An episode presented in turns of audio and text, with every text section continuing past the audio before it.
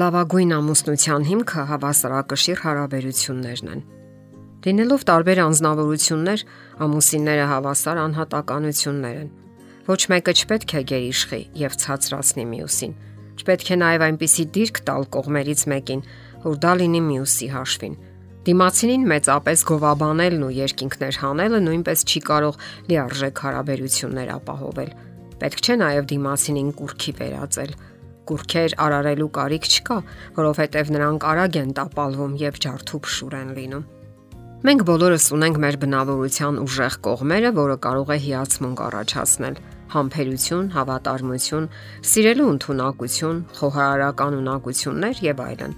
Սակայն ոչ այն աստիճան, որ դառնան երկրպագության առարկա։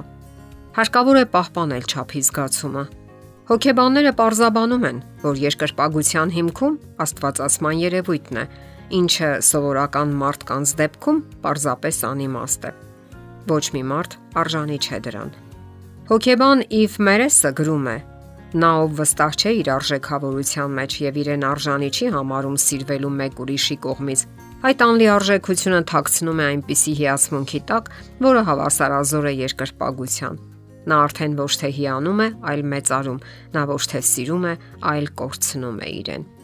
Այսպիսի հարաբերությունները նույնպես հավասարակշռված չեն եւ եթե նույնիսկ չքանդվեն էլ իրենց մեջ մեծ վտանգ են պարունակում։ Այս դեպքում մեկը մեծարվում է, մյուսը ցածր վիճակում է հայտնվում։ Մեծարվողն ինքն էլ կարող է ճնշվել նման բարձր դիրքից եւ ավելորդ լարվածության մեջ հայտնվել բարձր սպասումների ու ակնկալիքների պատճառով Նա կարող է վախենալ սխալներից, անկումներից, որոնք անխուսափելի են ցանկացած հարաբերության դեպքում։ Ամուսիններից մեկը այսպես է գրում այդ մասին. Ես բաժանվեցի իմ ընկերուհուց, որովհետև նա ինձ այնպիսի բարձունքի վրա էր դրել, որ ես ամբողջ ժամանակ վախենում էի որևէ սխալ քայլ անելուց։ Ես ոչ մի իրավունք չունեի ոչ կասկածելու, ոչ սխալվելու։ Վերջի վերջո ես պարզապես հոգնեցի այդ ամենից։ Հավասարազոր հարաբերությունների հիմքում միմյանց արժանինքները գնահատելն է։ Ընտանեկան հարաբերությունների մասնագետները գրում են, որ իրենք անընդհատ հանդիպում են զույգերի, որոնք քննադատում են միմյանց, բողոքում միմյանցից, իսկ պատճառները այնքան էլ բարդ չեն եւ միանգամայն լուծելի են։ Այդ հիմնախնդիրները գոյություն ունեն բոլորի կյանքում, սակայն ոմանք կարողանում են թեթևորեն հաղթահարել եւ առաջ շարժվել, ոմանք ոչ։ Պատճառն այն է, որ առողջ հարաբերությունների դեպքում ամուսինները կենտրոնանում են ոչ թե հիմնախնդիրների կամ բողոքների վրա,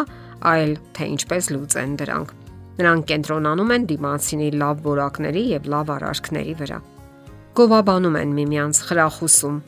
օգնում են դիմացինին հաղթահարելու հիմնախնդիրները եւ ամենակարևորը ինքնասիրահարված չեն։ Չեն ամաչում ընդունել սեփական սխալները եւ գնահատել դիմացինին Դուք էլ կարող եք լինել այդպիսին, եթե համապատասխան ջանքեր գործադրեք։ Հարկավոր է երկուստեք զարգացնել ներքին, այլ ոչ արտաքին որակները։ Ահա թե ինչ ուղղությամբ պետք է աշխատել։ Արտաքինը խափուսիկ է եւ ձևական։ Այն վաղ թե ուշ հիասթափեցնում է, եթե չի հենվում ներքին արժանինքների վրա։ Միայն արտաքին արժանինքները չեն փրկի ոչ կանանց, ոչ էլ տղամարդկանց Ձգտեք բարելավել ձեր ներքին որակները, այսինքն բնավորությունը։ Ցանկացած ամուսնության մեջ անհամեմատ ավելի կարևոր են բնավորության որակները։ Գեղեցկությունը վաղ թե ուշ թառամում է, իսկ ահա բնավորությունը կարող է ավելի կատարելագործվել։ Հարկավոր է որոնել գեղեցիկ հարաբերություններ, գեղեցիկ սեր, այլ ոչ թե արտաքին էֆեկտներ կամ բուրըն տպավորություն։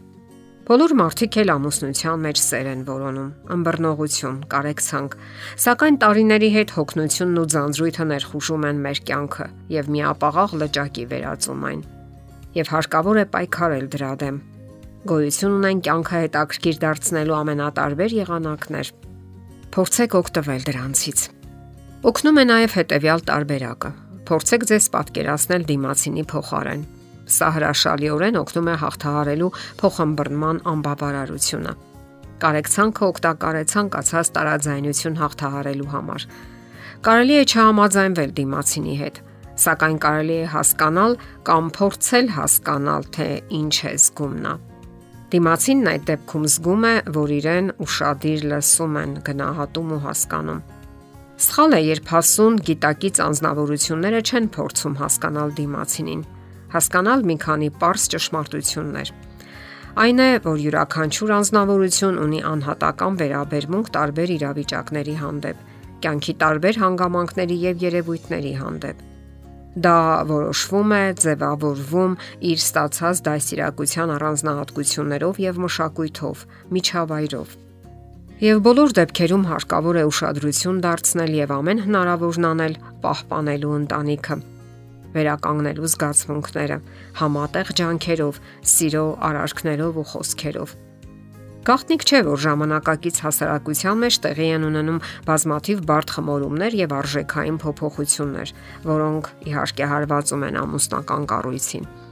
Ճշմարտությունն այն է, որ ցանկացած ամուսնություն կարելի է կատարյալ դարձնել, եթե կողմերը հավատան այդ հնարավորությանը եւ պատրաստ լինեն ջանքեր գործադրելու դրա համար։